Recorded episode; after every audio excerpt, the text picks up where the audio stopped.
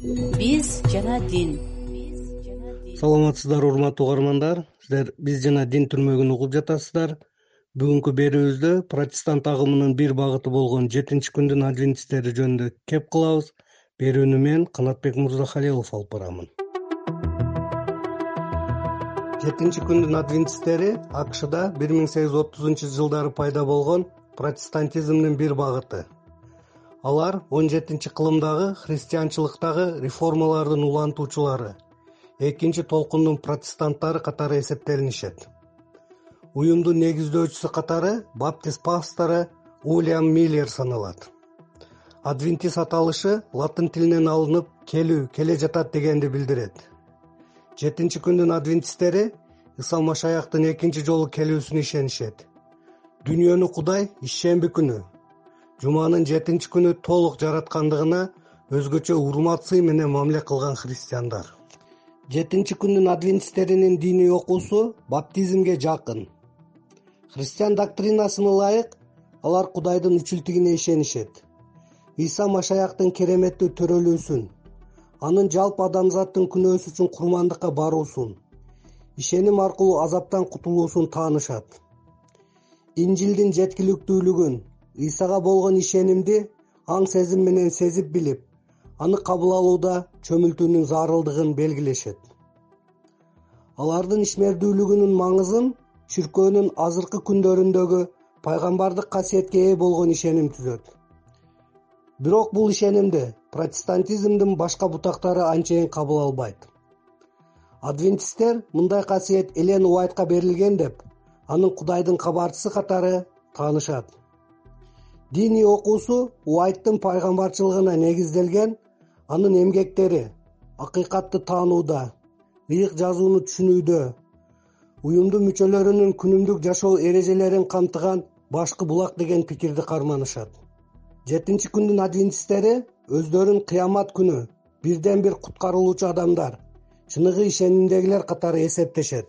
Башкы миссиясын ыйсанын кайтып келүүсүнө кыяматтагы суракка күбө болуу деп санашат. Жалпы христиандар үчүн милдеттүү болгон тозок бейиш түшүнүктөрүн адамдын өлбөстүгүн четке кагышат. Адвентисттердин ишеними боюнча өлүм бул жок болуу. Ыйсанын экинчи келүүсүндө ага болгон ишенимди таза кармагандарды ойготуучу тирилтүүчү түбөлүктүү уйку деп санашат. Ыйса өзүнө берилгендерди гана асманда тосуп алат күнөөлүүлөр жок болуп жер шайтанга жана куулган периштелерге берилет. Асмандагы миң жылга созулган ыйсанын падышачылыгынан кийин ал кайра кайтып келет. Жердеги баардык күнөөкөр адамдар кайрадан тирилишет. Шайтан жана анын күнөөгө баткандыгы үчүн кудай тарабынан куулган периштелери менен согуш аягына чыгарылат. Жер жүзү баардык булганыштардан жана күнөөлүүлөрдөн тазартылат деген ишенимди да карманышат.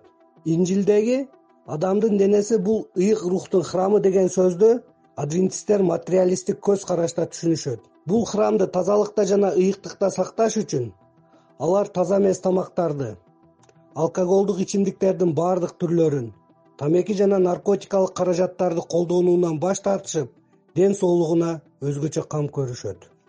Адвентисттер эки сырдуулукту чөмүлтүүнү жана тазаланууну же кудай менен биригүү каадасын таанышат.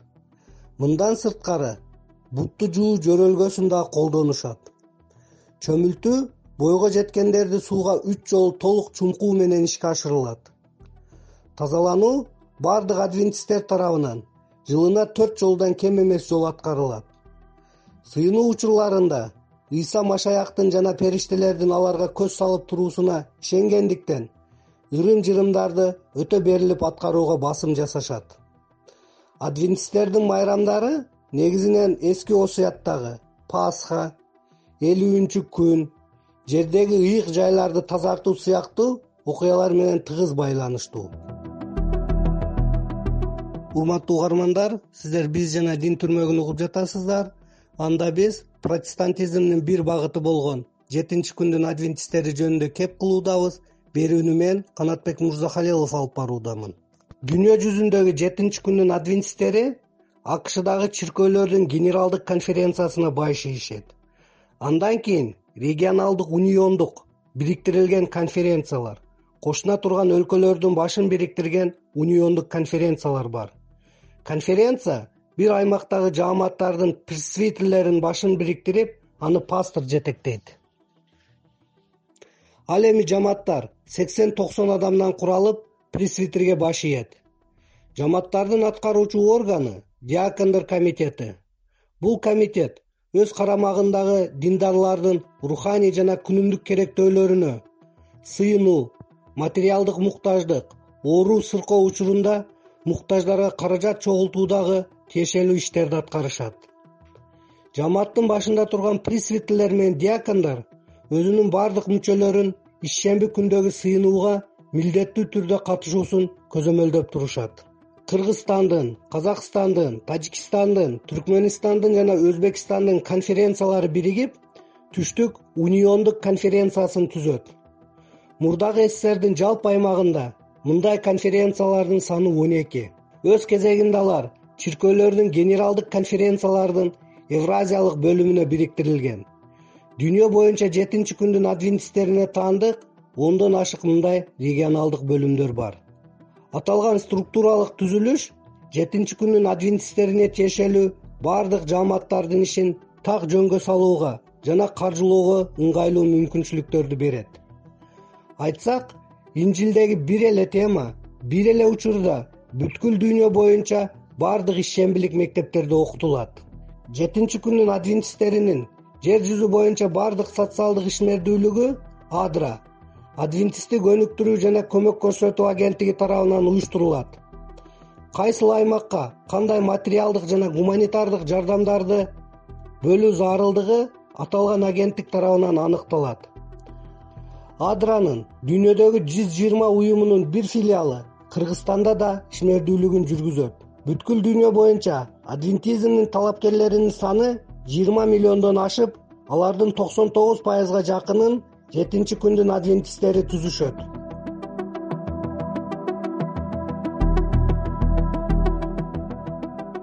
Кыргызстандын аймагында адвентисттер жыйырманчы кылымдын башынан бери иш жүргүзүп келишет. Алардын биринчи жааматы бир миң тогуз жүз он бешинчи жылы каттоодон өткөн. Ага орловка кыштагындагы негизинен немец баптисттерден турган элүү адам киришкен совет бийлигинин алгачкы жылдарында жалпы динге каршы саясат жана репрессиялар негизинен православ чиркөөсүнө багытталгандыктан башка христиандык чиркөөлөр көз жаздында калышкан. Ушул мезгилдерде адвентисттер активдүү иш алып барышкан. Бир миң тогуз жүз отузунчу жылдары баардык диний үгүт жүргүзүүлөргө тыюу салынган. Советтер союзунун аймагындагы адвентисттик уюмдардын кайра жандануу жараяны согуштан кийинки мезгилдерге туура келген. Бирок алар мамлекеттик каттоодон өтпөстөн жарым жартылай легалдуу иш жүргүзүшкөн. Бир миң тогуз жүз кырк алтынчы жылы бүткүл союздук жетинчи күндүн адвентисттеринин кеңеши түзүлүп ал бир миң тогуз жүз алтымышынчы жылы таркатылган. Совет бийлигинин учурунда кыргызстандагы адвентисттик кыймылдын формалдуу эмес борбору кара балта шаарында болгон. Бир миң тогуз жүз сексен биринчи жылы советтер союзундагы жетинчи күндүн адвентисттеринин чачырандуу уюмдары генералдык конференциянын евразиялык бөлүмүнө биригишкен. Ушул эле мезгилде бишкекте алардын сыйынуу үйү курулган. Кыргызстанда уюмдун баардык ишмердүүлүгү орус тилинде жүргүзүлөт. Эки миңинчи жылдардагы өлкөдөгү орус тилдүү калктын башка мамлекеттерге чыгып кетүүсүнүн натыйжасында жетинчи күндүн адвентисттеринин чиркөө мүчөлөрүнүн саны да азаюуда. Жетинчи күндүн адвентисттеринин түштүк конференциясынын президенти роман алексейкиндин айтуусунда на сегодняшний э, день э, в кыргызстане.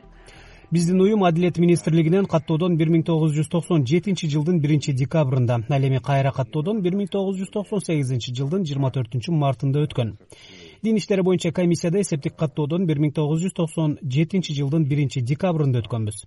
Өлкө боюнча жыйырма төрт уюм диний каттоодо турат. Факт жүзүндө он жамаат тогуз топ ишмердүүлүгүн жүргүзөт. Сыйынуучуларыбыздын жалпы саны алты жүз кырк алты адамды түзөт. Чиркөөлөрүбүзгө орус немец украин поляк кыргыз казак башкырт татар улуттарынын өкүлдөрү келишет.